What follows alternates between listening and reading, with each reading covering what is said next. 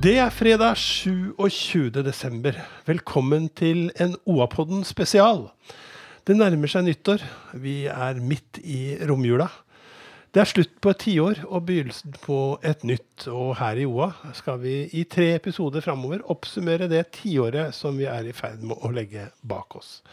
Mitt navn er Erik Sønsterli, og med meg i studio har jeg som vanlig med meg Stina Håkensbakken Roland. Har det vært en bra jul, Stina? Det har jo det. Eh, begynner du å bli lei julemat? Ja, det går egentlig over første dag. Ja, da begynner det å bli bra. det gjør det med meg også. Du, når vi går løs på dette, eh, og så er det ikke så lett å huske Vi har forsøkt eh, å kikke litt bakover i OA-arkivene. Og vi starter med året 2010. Norge det våkna til sprengkulde og kuldegrader ned mot 40 i eh, Valdres i tidlig januar. Mens ute i, den verden, så, ute i den store verden så ble Haiti ramma av det kraftigste jordskjelvet på 200 år. Vi fikk nyordet askefast da flytrafikken stansa over kontinentene. Vulkanen Eyjafjelljøkul, det er det navnet jeg aldri har klart. Jeg, Nei, det syns jeg er et helt fantastisk navn. Jeg husker det nesten ene og alene pga. det navnet. Ja. Iallfall så spydde det ut mer klimagasser enn all industri og trafikk i hele Norge på et år. Liu Xiaobo fikk fredsprisen det året. Det ble eh, starten på det som på mange måter var en eh, slags eh, ny istid i forhold til mellom Det ble litt kaldt, ja. Det ble litt kaldt mellom kineserne og Norge. Mange har jo stilt seg spørsmålet om Norge la seg vel flatt eh, i forhold til kinesiske myndigheter etter noen år. Men eh, det var eh, Wikileaks. Det eh, var eh, lagt 900 000 militære dokumenter, bl.a. fra Afghanistan. Og akkurat idet de gjorde det, så fikk det vi den triste nyheten her i Vest-Oppland at fire nordmenn hadde mistet livet i Afghanistan. Blant dem uh, Trond Bolle fra Lena. Dette husker du, Stina? Ja, jeg husker det av flere grunner, selvfølgelig. Men mye på grunn av at vi ikke visste eh, hvem han var. Når vi etter hvert fikk høre alt han var involvert i og hadde gjort. Og så var han liksom ja, helt ukjent for eh, de fleste av oss her. Og for de som eh, ikke måtte eh, huske det, så var Trond Balle altså den høyest dekorerte nordmannen etter krigen. Soldat, etterretningsoffiser, er vel også rett å si. Eh, og en vaskeekte norsk helt. Og krigshelten var også navnet på boka som to tidligere kolleger av meg, Rolf Videre og Hans Petter Aas, skrev. Jeg husker at de jobbet med hvem han var, når de forsto at det var samme mann som hadde reddet disse barna til Ska, han friidrettsmannen. Mm, Khalid. Khalid Ska. Um, og han var hjemmehørende her da han kom det, ja, det var, det var hele førstesiden uh, i Oppland Arbeiderblad når uh, de bar kisten ut av flyet. Og det var en stor begravelse med mm. mange hundre tilstedeværende. Mm. Og det var jo Han, uh, han var jo ikke herfra, men han fant kjærligheten på Toten. Mm. Så han bodde på Lillo med kone og to unger. Og, ja, og det var eh, Bare for å si det, han mistet altså eh, livet 27. juni det året. Eh, han, eh, sammen med fire andre, eh, ble tatt av en eh, veibombe når mm. han var på, i tjeneste nede i Afghanistan, som han hadde vært lenge. Hjemme så var det familie, Stina. Eh, kone og barn han hadde. Og du mm. fikk det første intervjuet, du, med, med enken. Mm. Ja, det gjorde vi faktisk. Um, det husker jeg Jeg lurer på om det ikke var ved disse tider, uh, sånn før jul. Uh, vi var i hvert fall med på på en tur som hun pleide å gå, uh, som de pleide å gå, ute på Totenåsen. Og jeg husker det var meg og fotograf eh, Asbjørn Risbakken. Og han hadde nok undervurdert bekledningen litt. Så han vasse langt opp på eh, i olabukse. Men eh, det var veldig, veldig sterkt eh, det hun fortalte, og, og særlig følte jeg på det med å sitte hjemme eh, her. Og det var jo så hemmelig alt han var ute på òg, liksom. Så du kunne jo ikke prate med hvem som helst om, om det du sitter hjemme og, og grunner på. Det kunne jo gå lang tid mellom kontakt og, og slike ting. Men vi, vi, skjønte jo det etter hvert òg, at, uh, at, det er veldig mange fra Toten som er i tjeneste i slike utenlandsoppdrag. Og det er et eget miljø, både av de som sitter hjemme, og de som både er og har vært ute. Da. For de vet om hverandre? Ja, for de ja. er soldater, selvsagt. Mm. mm. Så, men er det grunnen til at, de, at det så, er så mange av de eller at det, at det, var et sånt miljø? At de eh, ja, kjente til hverandre, eller ja. Nei, jeg tror kanskje ikke det. Og det er jo veldig stor eh, aldersspenn mellom mm. de som er ute. Men eh, det, det, er litt av et liv, altså å sitte og være den som er hjemme. Ja. Og de er jo borte i lange, lange perioder, og du eh, Du er jo eh, bakerst i eh, tanka, så har du jo liksom den muligheten for at det kan gå galt. Og når de kommer igjen, så er de hjemme, og da skal de liksom fungere normalt da, som eh, familiefedre når de er hjemme her. Det må være en ganske vanvittig situasjon å være i. Mm. Som sikkert ikke bare noen av oss eh, kan uh, gjøre. Mm.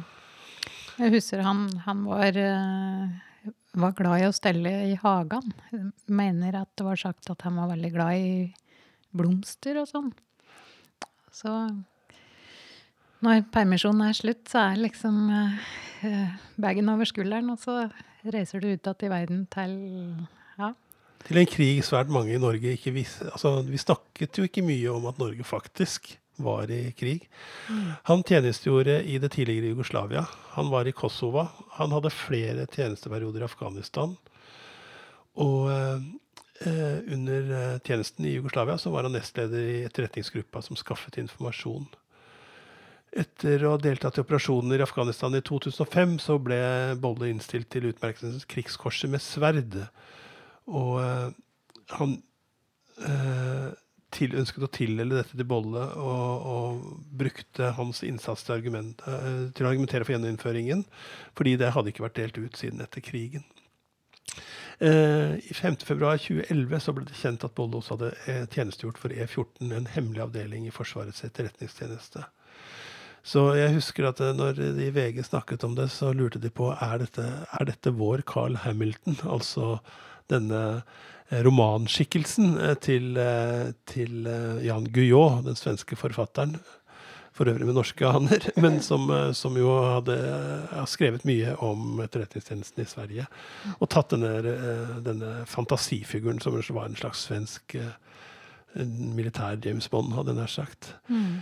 Jeg kjenner ikke nok til å dra at man skal trekke sånne sammenligninger, men det er klart at han gjorde store tjenester da, med, for Norge og landet sitt mens han var ute, før han mm. kom hjem til familien. Det ble jo skrevet ei bok til òg. Um, alle disse her krigshistoriene og sånt nå eh, er jo den boka du nevnte. Og så uh, samarbeider enken med um, Jon Gangdal om boka Trond Bolle. Ja. 'Alles helt, min mann'. Og jeg de mekanismer rundt det der som å være familiemann, og det, det spennet der som jeg syns var Det fascinerende. Ikke fascinerende, men at jeg, ja, jeg kjente på at der var det mye ja. som jeg tror mange lurer på åssen det er. Vi skal uh, haste videre, hadde jeg sagt, i tiåret. Men før vi mm. forlater dette året, så, så festa jeg meg når jeg gikk gjennom arkivet, at uh, ja, vi snakker jo om veldig mye av det samme i dag som vi gjorde ved inngangen til tiåret. Da var det om eh, Bentler som etablerte seg her, overtok for arbeidsplassene til, eh, til, til Hydro Bildeler. Vi snakket om økonomien i Sykehuset Innlandet og kommuneøkonomi. Og så var det kamp for å, å, etablere Teater Innlandet, som faktisk ble, ble en realitet det året, og feira nylig eller ja, har, har tiårsjubileum nå, mm. da. Med, med ny teatersjef og det hele. Eh, ja, i Valdres så fortvilte man det året fordi man mista 100 kvinnearbeidsplasser da opplysningen 1881 la ned, og man lurte på hvordan det skulle gå med samfunnet da. Det er jo litt rart å lese nå etterpå, Stina. Ja, det er jo nesten samme situasjon som eh, var nå i eh, år. Da var det Skipsted som jo på mange måter sikkert tok over, en, tok over en del av de arbeidsplassene. Lagde kundeavdelingen sin, kundeservicen sin, men la valgte å legge ned da i år. Men nå ble det nytt liv igjen. Ja, ikke i riktig så stor skala, men uh, det er noen som har tatt opp pinnen og uh, satser videre på servicevirksomhet derfra.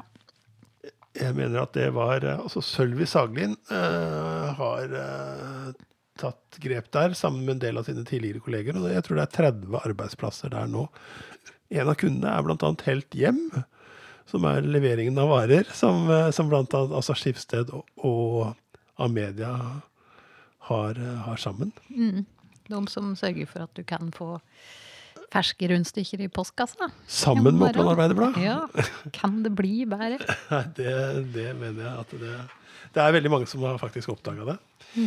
Men så beveger vi oss til 2011 da, Stina. Eh, Ja, vi gjør det, ja. Ja, skal vi gjøre det? ja. Eh, ja, det var litt andre ting også, fordi det, eller før vi går dit eh, Gjøvikhåndballen eh, sleit med å de, Var det det året de, de rykka ned? Det står se her. Ja. De rykka kanskje opp igjen, men så det, har det vært et trange år for Gjøvik-håndballen. Det har gått litt opp og ned, ja. Men nå har Sigmund Hagen tatt over som styreleder. Ja, ja. Eh, Så får vi se om, eh, om hvordan det går. Det var iallfall Vi skrev nylig om at det var en, eh, en ja, samling i, i- i bånn om, om å få Gjøvik-håndballen framover. Men da til 2011. Eh, der har jeg notert at president Mubarak eh, gikk av. Det starta den arabiske våren, Mhm. som jo gikk veldig dårlig til slutt igjen. Er litt i gang igjen nå. I mars ble Japan ramma av et kjempejordskjelv som tok livet av 26 000 mennesker. Førte til store mengder av radioaktive utslipp. Jeg husker jo det når du leser det sånn tilbake. Og så er det de bildene av eh, Obama som kommer ut og sier at Osama bin Laden er blitt drept i et amerikansk eh, aksjon i Pakistan. Bilder som for øvrig ble trukket fram at da, da den nåværende presidenten kom med en litt mindre grasiøs uh, uttalelse Jeg husker ikke hvem det var de tok nå, for ikke så lenge siden, men han, han sa det litt annerledes. Han sa det litt uh, annerledes, ja. Det gjorde han. Han sa han døde som en hund, eller en sånn Ja, det hund. eller- ja. Dessuten så hadde han presidenten ei bok på gang. ja, Det var kalifat, altså han som leda kalifatet i IS, da, eh, som de tok, eh, tok eh, livet av, av da. Og det var Trump som uttalte seg da. Men i 2011 så eh, eh, var det urolig da i ute, i, ute i verden. Men det starta bra for Vest-Oppland med at Ola Kjøli fra Skrautvål ble årets ildsjel i norsk idrett under den store idrettsgallaen. Mm -hmm. uh, og så vant Narum Spellemannsprisen. Det var moro. Ja. Og så uh, Urbane Totninger ble landets største sommersjef for første gang. Men så skjedde det som kanskje prega oss alle det året, som, vi, som la alt annet i skyggen, nemlig 22. juli. Mhm. Ja, husker du eh, hvor du var da du fikk vite det? Ja, det husker jeg. Fordi eh, jeg hadde ikke fått det med meg av en eller annen grunn. Og så husker jeg at jeg var på CC. Og så um, eh, sto TV-en på nede i eh, det der foajé-området der, liksom. Og det var så mye folk rundt den TV-en. Eh, Først så Jeg bare forte meg forbi, liksom. Tenkte at all verden, er det noe sport eller noe nå? For det er jo det som pleier å stå på, liksom. Så var jeg eh, halvveis oppe i rulletrappa da jeg hørte eh, hva det var. Og Der ble jeg aldri glemmende at jeg liksom sto, sto i rulletrapp på CC. Da dette der ja. Ja, Seig inn, liksom. For det var slik som ikke kunne hende Ja, i det var helt surrealistisk. Det var eh, Anders Behring Breivik som da detonerte først en bombe i regjeringskvartalet i Oslo. Deretter så reiste han til Utøya og startet angrep to. 77 mennesker ble drept, mer enn 100 skada. Og mange flere enn de 500 som var på Utøya, vel 500 på Utøya, og alle de som var rundt regjeringskvartalet i Oslo, ble, ble berørt. Det er vel sånn at vi i Norge er ikke flere enn at eh, hvis du går to ledd ut, så har vi alle direkte eller indirekte noen som var på, på Utøya. Mm. Og eh, vi ble ramma også her i Vest-Oppland. Mm -hmm. um, tre med adresse her Ja. som, uh, som um, ble borte da.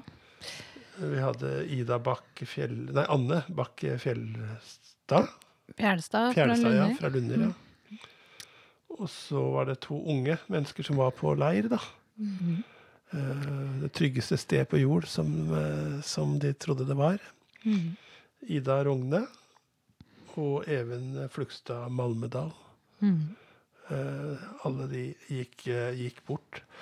Jeg husker også veldig godt den dagen. Jeg var på vei inn til VG da jeg hørte egentlig på P4 at noen som sa at det smalt så fælt.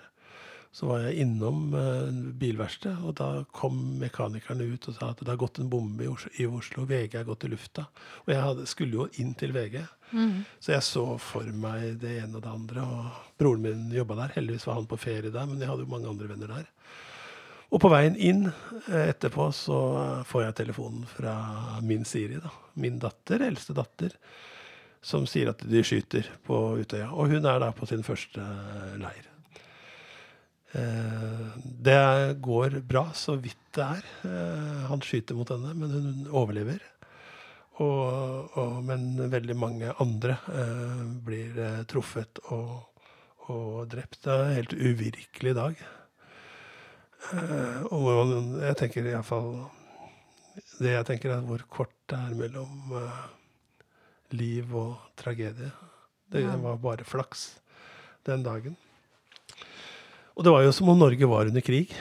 Eh, Det var helt merkelig. Vi visste ikke hva det var. Mm.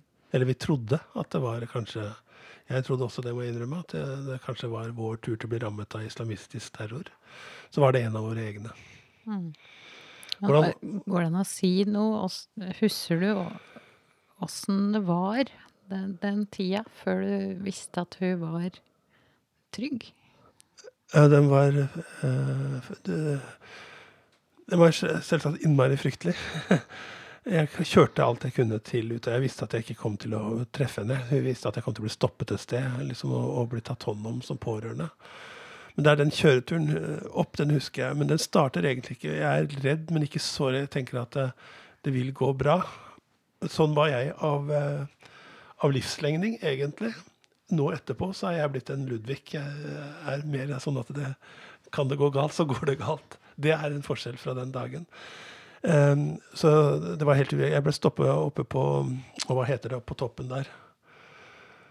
Sundvolden? Nei, eh, før Sundvolden Uh, ja, Før du kjører nedover mot Utøya. Der ble det etablert et sånt krisesenter. Og jeg var den første der, for jeg kom jo rett etter TV 2. Møtte kollegene mine. De trodde jeg var på jobb, og så var jeg der plutselig som pårørende. Og så, ja, Lang historie kort. Det virkelige øyeblikket Jeg ble mer og mer urolig. Jeg tenkte at dette går ikke bra. Og jeg tenkte at det er ikke min, det er, dette går dårlig. Og så ringer telefonen. Og så er vi to, en mamma og meg, som griper etter telefonen. Det er den samme reke, eh, lyden. Og så er det min telefon. Og så sier de andre enn 'pappa, jeg lever'. Da er hun på vei ut i båt. Og så ser jeg inn i øynene på hun andre. Og jeg ser fortvilelsen hos henne, og så bare tar jeg rundt henne. Jo- jeg har aldri sett henne før, og det er akkurat som vi er nær familie. Og vi bare Mhm. klemmer hverandre. Og så husker jeg at jeg sier inn i klemmer henne hardt og sier at du får også din tilbake. Så møter jeg henne dagen etterpå, og så ser hun på meg liksom med de samme triste øynene, og hun fikk aldri sin datter tilbake. Mm. Så det er, det er det øyeblikket som virkelig liksom på en måte er det sterkeste for eh, Ja, det aller sterkeste øyeblikket for meg. Mm. Til jeg møter henne igjen da, på, på Sundvolden om kvelden. Og da er Norge i krig. Da jeg blir sjekka fire-fem ganger før jeg får komme inn på Sundvolden. I fall jeg er terrorist eller pressemann. Eh, Dagen etter så er det et annet, og det var så godt å komme inn der, fordi Norge, da fungerte ting igjen. Der var det frivillige som hadde rigga. Det var et Norge som fungerte. Altså, det var så flott hvordan folk hadde organisert og tok hånd om oss, tross alt. da. En psykolog som tok seg av oss på hotellrommet på natta der. Og jeg tenker at det er helt avgjørende for hvordan min datter eh, tok dette videre. Hun ville ikke snakke med han, men i ettertid så vet hun hvor viktig det var. Mens han, han Vi møtte han i forbindelse med at vi skrev noen bok. Og han la ikke skjul på at det hadde vært kjempeutfordrende etterpå. fordi han, han gikk gjennom gangene på hotellet der. Han sa at der bodde den, der bodde den. Han kunne alle rommene og alle historiene. Nei, det var helt åh, Jeg kjenner at jeg ble litt tatt når jeg tenker på det. Men det var et angrep på oss alle, og dem alle har vi et forhold til denne dagen. Ja. Eh, hva annet å si? Hvordan var det her? Jeg tror alle var i en slags eh, sjokk. Ja. Det, det var jo til før på morgenen etter. Det, alle la seg til et sånn uh, uavklart bilde, liksom. Og så morgenen etter så, så var det jo helt ubegripelige tall. Tapstall. Og, og da, var det liksom uh, Ja, nei, jeg tror det var sjokk. Vi var jo på noen minnestunder og, og samlinger og sånn her, og det, det var helt uvirkelig. Vi, det er også det andre sterke øyeblikket mitt, er når vi får vite at det var så mange. Altså det, det var jo dødstallet over 90, var det ikke det en stund? Altså, eller 8, noen 80 eller 90. Og Siri ville ikke sove først. Men så er det utpå morgensiden, så våkner jeg igjen. Og da ser jeg hvor mange som er drept, og så ser jeg at hun har sovnet. Og jeg tenker at alle mammaer og pappaer hun var, jo, hun var jo blitt 20, ikke sant? så hun var jo stor. Men alle har det øyeblikket av når de har sin lille barn, som du ser at eh, hjertet Ja, pusten går, ikke sant, og du ligger siden og ser huden og, og, og fikk, Jeg fikk et sånn voldsom følelse av Siri i det øyeblikket. Da hun liksom hadde endelig fått sovne. Og det er da når vi fikk vite at så mange var borte. Til slutt så ble det 77, og, og eh, mange skadde, og som fortsatt har, eh, lider, lider tungt etter, etter det som skjedde. Nei, uff, det skal vi komme oss litt videre i dette her, som vi ikke blir ferdig med helt. Um, andre ting er det, er det noe hyggelig som vi husker fra det året? Det var Ja, jubileumsåret til Gjøvik. Ja, det var det. Det var byjubileum. Ja. Og det ble jo markert eh, I stedet for eh, sånn som eh, kanskje noen andre ville foreslå, så ble jo det markert med mange små arrangementer, og ikke ett sånn heidundrende. Men vi hadde jo noe som mange eh, fortsatt husker. Vi hadde jo blant annet mm, storkonsert på Gjøvik med Bryan Adams på Gjøvik stadion. Den har jeg hørt mye om. Ja. det har festet seg, altså. Det var skikkelig bra tiltak. Og det, det fungerte jo. Det, fotballstadion er en fotballstadion, liksom. Var det, var det jo eh, Jeg vet ikke om det var eh, magnetismen hos artisten, eller om det var regnvær, eller hva det var. Det ble vel ikke noe sånn kjempepress på kapasiteten. Men eh, det var veldig artig, og veldig mange var der. Og jeg husker det eh, godt. Jeg husker det at vi a-ha var på øh, Hamar første året jeg tror jeg var her, eller var det i 2018? Jeg husker ikke helt. Altså, da hadde jeg blitt så begeistra for alt det fine musikklivet vi har her. Men da var det noen som sa at å, vi må få tilbake Bryan Adams og sånne store konserter. Men det er jo ikke så lett å få i stand sånne store konserter i dag. Nei, eh, det ble jo satt opp et slags etterbruksfond. Eh, Det var noen, en bank, tror jeg det var, som eh, la noe penger på bordet eh, for den som ville ta opp hansken og eventuelt satse på nye slike storkonserter. Nå har dessverre ikke det skjedd. Men siden den gang, dette er jo ti år siden, så har jo artister tjener jo ikke penger på, på å selge musikken sin lenger. Så honoraret har jo økt seg deretter, da. Så jeg tror det er en ganske stor eh, kraftanstrengelse å ta. Tipper at det likevel er kanskje Arne Evensens store drøm å kunne ha en sånn stor eh, mann i fjellhallen eller noe sånt. Ja, er, vi venter jo på det, på disse store konsertene der. Men det var jo, vi hadde jo, det var jo da vi åpnet Kulturhuset. Kronprinsen var på besøk, og ja, det var opptog i gaten, og Frikar hadde show i, hengende i tau i rådhusveggen, og ja, Kulturtrappa selvfølgelig, som var en stor diskusjon. Ja. Eh, Som hun Hilde Sva Nei, det var ikke, nei, det er seinere, det. Ja. Det Utafor eh, Kulturhuset, Ja, ned mot ja, Tunnselva der. Ja. Det var, eh, var mye om å gjøre at den kom på plass. Men eh, det var mye, mange eh, kulturarrangementer. Det var heller dette her næringsområdet nede i Mustad næringshage Mm. der. Det ble jo det ble laga en stor oppsetning, Hook and Roll, Oi.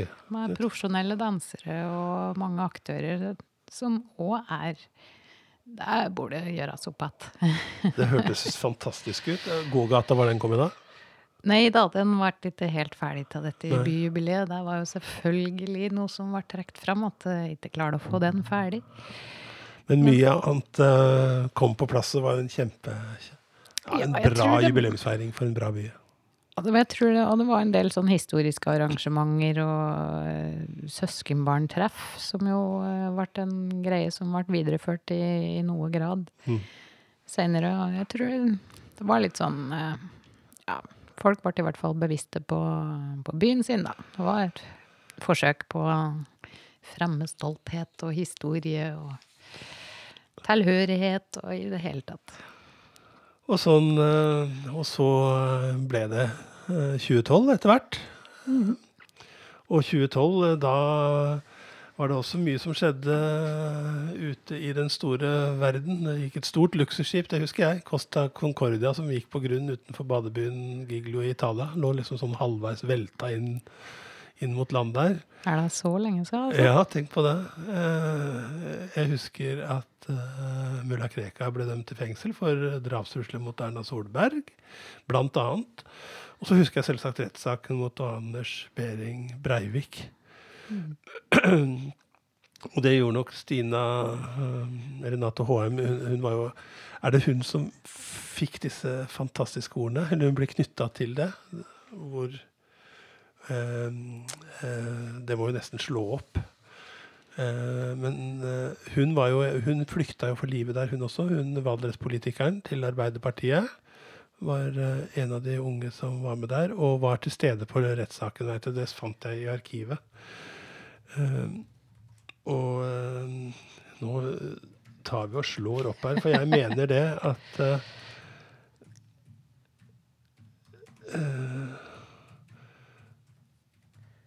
At hun knyttes til disse kjærlighetsordene. Da. Ja, stemmer det. Hun ble intervjuet på CNN eller et eller annet sånt noe, mener jeg òg. Så hun ble jo litt sånn ansikt. Om én mann kan skape så mye hat, tenk så mye kjærlighet vi alle kan skape sammen. Og jeg tenker at det festa seg veldig eh, de dagene. Eh, eh, hele Norge samla seg jo på mange måter rundt det. Eh, over 100 000 mennesker gikk i, med roser i Oslo. Mm. Og tusenvis på tusenvis over hele landet, også her på på Gjøvik. I rettssaken så eh, så eh, fikk vi veldig sterke vitnebeskrivelser. eh, både av hva som hadde skjedd, men også i møte med Breivik. Annet dagens AUF-leder Ina, Ina Libak. Er det mange som husker eh, vitneførsel til? Hun var jo allerede kjent fordi at hun liksom fortalte mennesker hvor fantastiske det var. Og hun ble jo drept fire Nei, unnskyld. Skutt fire ganger. Hun var jo tett ved å ryke og er nå en ledende politiker. Og er kanskje den generasjonen som nå inntar posisjoner i Norge. Ja ja, det var rettssaken. Eh, Han ble funnet tilregnelig. Da smilte han Ja, det, det var jo veldig rett. Han ble jo først kjent utilregnelig, men, eh, men ble kjent tilregnelig i retten, faktisk. Og, og ble dømt da til lovens strengeste straff. Anders eh, Behring Breivik. Ja, men mye annet skjedde. Eh, Det var eh, eh, Hva annet var det som skjedde dette året her, da? Og det var litt ja, smått og stort, holdt jeg på å si. En av de tinga som jeg husker, er at det var stort, en stor nyhet for Synnfjellet og for reiselivet da mm, det gamle høgfjellshotellet på Spåtin hadde vært til salgs en stund. Vi har jo litt sånn høgfjellshoteller som tida hadde gått litt ifra rundt i området her. Men da var det et par, eh, en lege eh, og en OL-seiler, svensk OL-seiler, som kjøpte Høgfjellshotellet og bosatte seg der med tre unger for å satse. Og ja, den historien kjenner vi jo eh, godt i dag. Det har de klart. De har vitalisert Synfjellet og særlig Spåtin-området, da. med den satsingen der. Mai-Elin Storeide og Fredrik Løf. Nettopp.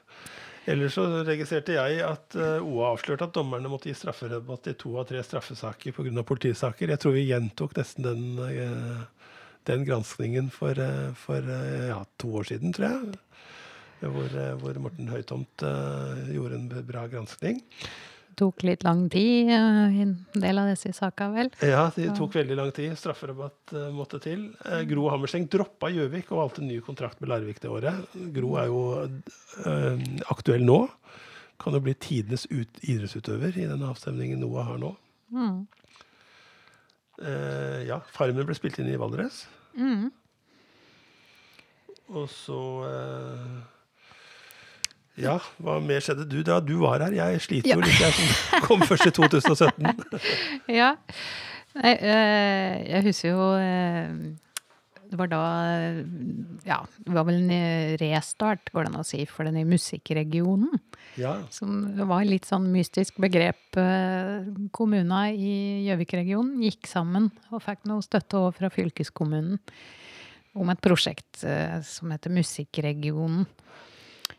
Uh, da fikk jeg en litt sånn trang start, men da tok han Helge Øie over som prosjektleder og vitaliserte det. Uh, de gjorde bl.a. noen grundige undersøkelser som viste at musikk og underholdning og, og de aktører, næringsaktører vi hadde i regionen her, sto for ja, jeg mener det var omsetning på tresifra antall millioner, faktisk, Oi. den gang. Og det var 200 arrangementer i året, og liksom, det var første gangen det på en måte vært stilt sammen sånn. Det viste at det var eh, mye. Og at det òg genererte veldig mye penger. Så den musikkregionen var litt sånn eh, Ingen helt skjønte hva de skulle gjøre, kanskje. Men mm. målet var jo at det skulle legges til rette for å utvikle da, eh, bærekraftige konsepter, og at flere skulle tørre å satse.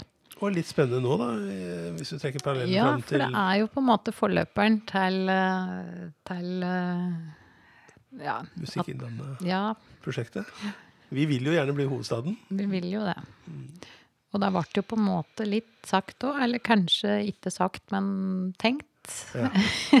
At det var Gjøvik som skulle få være musikkbyen. Så skulle Lillehammer få være TV-byen, og så fikk Hamar teatret. Ja, akkurat. Så. Men var det det året også, Stina, at dette Stor-Oslo Nord ble skapt, denne alliansen?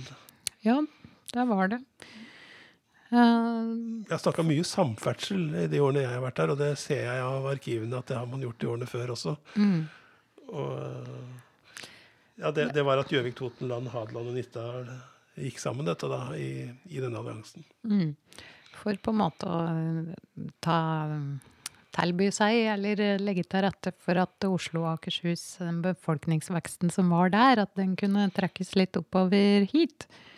Men da måtte det selvfølgelig bedre rv. 4 og satsing på Gjøvikbanen til. Ja. Og der er vi fortsatt. Nå ja. er det litt håp, da. Om å ja, få det inn i Ti år, så er det håp, liksom. Og det skal vi kanskje huske på når vi er utålmodige, at ting tar litt tid og krever litt jobbing. Ja. Så jeg, jeg tror det var da TNT fylte 30 år. Ja, ikke mye. Ja, ja tenk på det. Gamle heavy-stjernene våre. Ja.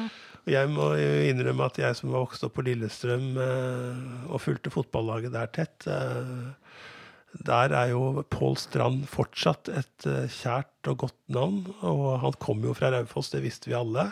Og han gikk tilbake til Raufoss, men det året så falt han om på trening. Eh, og kom seg heldigvis igjen etter hjertesansen. Men det Mm. husker jeg var dramatisk og nådde nasjonale medier. Ja, det var veldig, veldig spesielt. Og det førte med seg eh, stor oppmerksomhet rundt dette i mange mm, fotball- eller idrettsmiljøer i det hele tatt, da. For det kom jo helt ut av det blå. Jeg tror det var flere som eh, søkte om og fikk penger til hjertestartere, blant annet. Ja, og det eh, Det fikk vi jo her i huset også, faktisk. Ja. Det, var, det Heldigvis ja, ikke ja. behøvd å bruke annen. Nei. Ja, eh, det nærmer seg slutten av denne første bolken i, eh, i tiåret. OA-podden spesial. Men vi avslutter litt med Alle husker jo Sissel Kyrkjebø, som var liksom vår alles sangfugl, eh, og var jo det mest bergenske, eh, bergenske du kunne få. Det norskeste du kunne få. norskeste du kunne få. Ja. Og, Vestland, Vestland. Ja, Vestland, Vestland, ikke sant. Og så, og så giftet hun seg eh, i Danmark og fikk barn der med Eddie Skolder. Eh, eh, og så flyttet hun etter hvert hjem og fant seg eh, en advokat og flyttet til Søndre Land. Og eh, i 2012 så fikk hun også kjøpt naboeiendommen, slik at hun og ektemannen eh, Per Ravnås kunne skjerme seg eh, bedre, sto det i OA. Men jeg har inntrykk av at de trives. De lever tilbaketrukket, men, men hun har jo disse konsertene hun har ved juletider, har jo vært veldig populære. Og, og folk har jo møtt henne og sagt at hun sier at hun trives veldig godt i, i Sønderland. Ja. Hva vil villige prate med OA, da. Eh, eller det var én gang på en av disse konsertene så fikk vi prate så vidt med. Men, eh, ellers så har hun ikke villet prate om, med, med lokalavisa si om det å bo i Søndre Land. Kanskje, vi, kanskje, kanskje du hører dette, eller noen kan hviske inn i øret at det hadde vært veldig kjekt å, ja, Søndre Land trenger å høre noe sånn hyggelig. Ja, og det er veldig hyggelig at, eh, at vår alles eh, Sissel bor der. Ja, da har vi passert tre år. Det gikk eh, glatt eh, drøye halvtimen på, på det, Stina. Å, Guri gjorde det. 37 minutter, faktisk. Oi. Eh, Men eh, kjære lytter, takk for at du har hørt på oss eh, så langt. Dette var første episoden i OA-podden spesial. Eh, Vi fortsetter å høres igjen i morgen.